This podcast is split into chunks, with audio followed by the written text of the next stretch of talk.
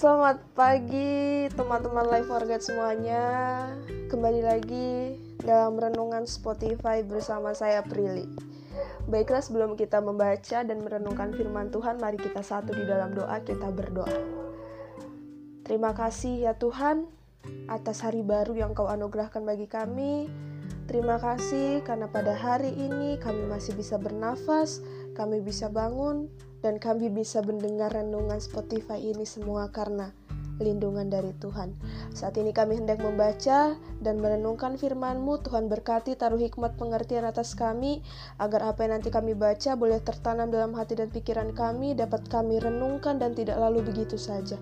Ini doa dan ungkapan syukur kami dalam nama Tuhan Yesus Kristus, kami sudah berdoa. Amin. Oke, baik teman-teman terkasih semuanya. Kita barusan sebelum baca firman kita berdoa. Dan nanti setelah kita akan menutup firman ini kita juga akan berdoa. Seperti yang teman-teman tahu bahkan dari kita masih di sekolah minggu pun kita diajarkan bahwa saat memulai dan mau menutup sesuatu, kita harus berdoa. Dan kita tahu bahwa doa itu tidak hanya mengubah sesuatu, tetapi doa itu juga mengubah kita. Dan Prilly punya cerita, jadi beberapa minggu yang lalu, minggu lalu tepatnya kalau tidak salah. Jadi Prilly tuh uas kan dan sepanjang minggu tuh karena harus kejar deadline tugas terus karena jarak rumah ke kampus jauh sekitar 23 kilo dan itu kalau pakai angkot harus um, pulang pergi di perjalanan dua jam lah pergi sejam pulang sejam. Dan kadang-kadang setelah uas dari kampus pun masih harus lanjut selesaiin tugas praktikum-praktikum ya dan segala jenis macam. Teman-teman yang sekolah bahkan mungkin yang sekarang udah bekerja pasti juga udah melewati fase itu. Dan secara ya manusiawinya kita pulang gitu kan. Pulang udah malam udah mau isak malah kadang tuh udah setengah setengah delapan lah kan. Itu sampai kayak udah capek udah wih udah mandi udah lepas semuanya. Abis itu nemplok tempat tidur taruh kepala itu langsung tidur. Dan yang pri, bikin Prilly heran tuh kayak gini. Berhari-hari berturut-turut dalam waktu yang sama itu Prilly pasti kayak ketiduran. Dan kalian tahu Prilly itu bangun selalu jam 3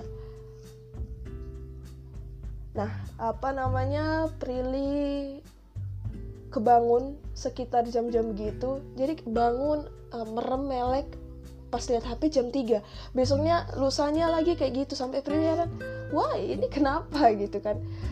Sampai kayak Prilly takut sendiri kayak di film-film horor jamnya berhenti jam 3 gitu kan.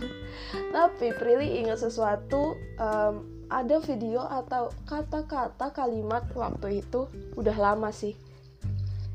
Itu bilang bahwa kadang Tuhan membangunkan kita di waktu segitu karena dia tahu di waktu sebelumnya tuh kita tuh kayak nggak sempat gitu loh teman-teman. Akhirnya Tuhan memilih waktu di mana kayak kita benar-benar tenang.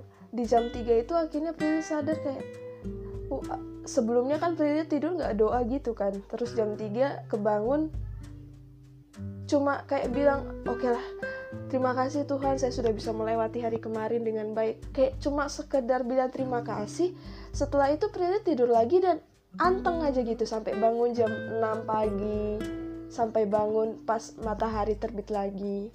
Dan juga sebelum kebangun di jam 3 itu pasti sebelumnya tuh mimpi buruk teman-teman. Bahkan kadang-kadang Prilly tuh nggak sadar di jam 3 itu Prilly bangun tuh mata kayak nangis udah sembab gitu kan. Kayak makanya kayak takut tapi sebenarnya itu cara Tuhan untuk ngingetin kita ayolah mungkin kamu punyanya di waktu di jam segini cuma sekedar bilang terima kasih aja nggak apa-apa. Dan di saat itu kayak Prilly sadar bahwa doa itu sepenting itu memang Dan karena itu teman-teman Prilly sadar dan kita semua harus belajar bahwa jangan sampai kita kendor berdoa. Di Matius 26 ayat 41 di situ dikatakan bahwa berjaga-jagalah dan berdoalah supaya kamu jangan jatuh ke dalam pencobaan. Roh memang penurut tetapi daging lemah. Karena Prilly rasa sendiri teman-teman ketika Prilly kendor berdoa, ketika Prilly membuat celah ya karena tidak membangun hubungan yang lebih intim lagi ke Tuhan lewat doa, itu kayak iblis masuknya tuh enteng kali. Kayak wih langsung ngacauin semuanya dan itu Prilly pasti pokoknya kalau udah kayak gitu Prilly sadar saya kendor ini saya mulai menjaga jarak.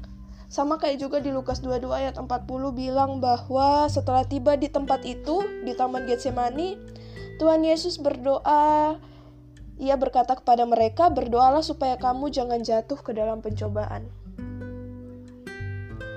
Di renungan-renungan sebelumnya, Prilly bilang teman-teman bahwa kita hidup di era yang keras, di zaman yang keras, makanya itu kita harus tetap berdoa.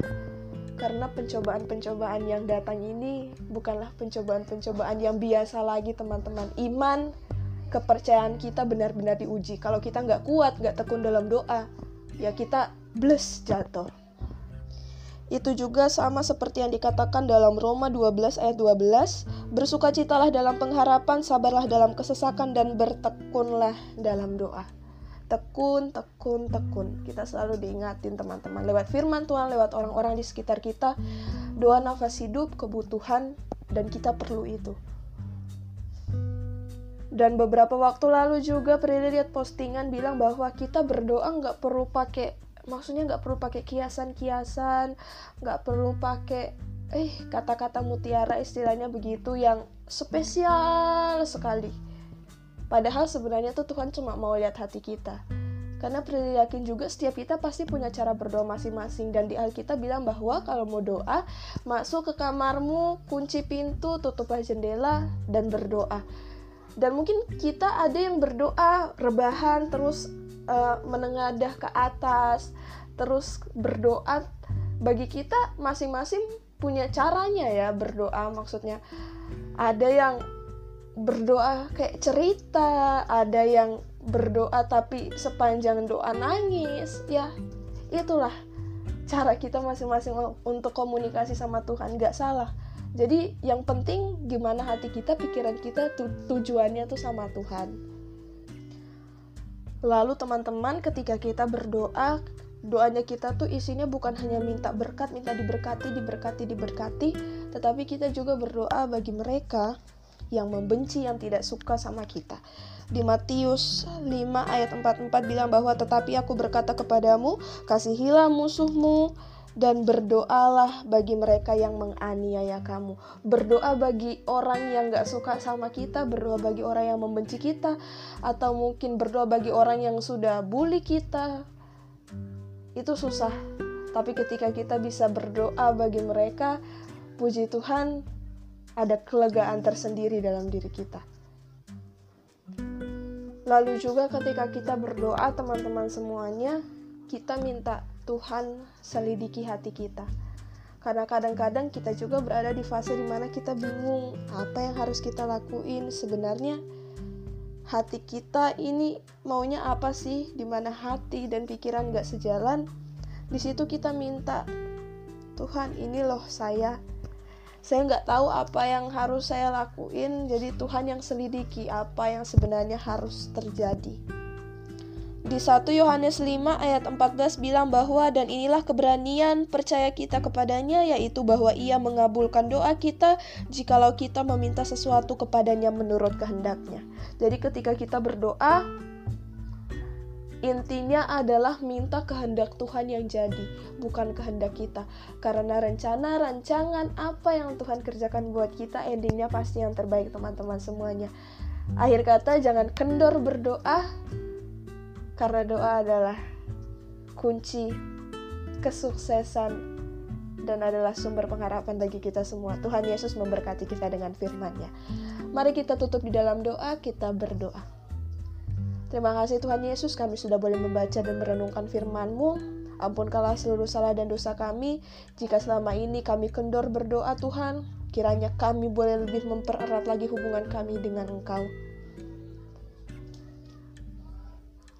Selidiki hati kami Tuhan, ajar kami supaya kami tidak hanya meminta berkat, berkat, berkat, tetapi kami juga boleh berdoa bagi mereka yang menganiaya kami, dan kiranya apa pun yang kami doakan boleh dikabulkan seturut dengan kehendak-Mu. Dalam nama Tuhan Yesus Kristus, firman yang hidup kami sudah berdoa. Amin. Selamat beraktivitas teman-teman semuanya, Tuhan Yesus memberkati.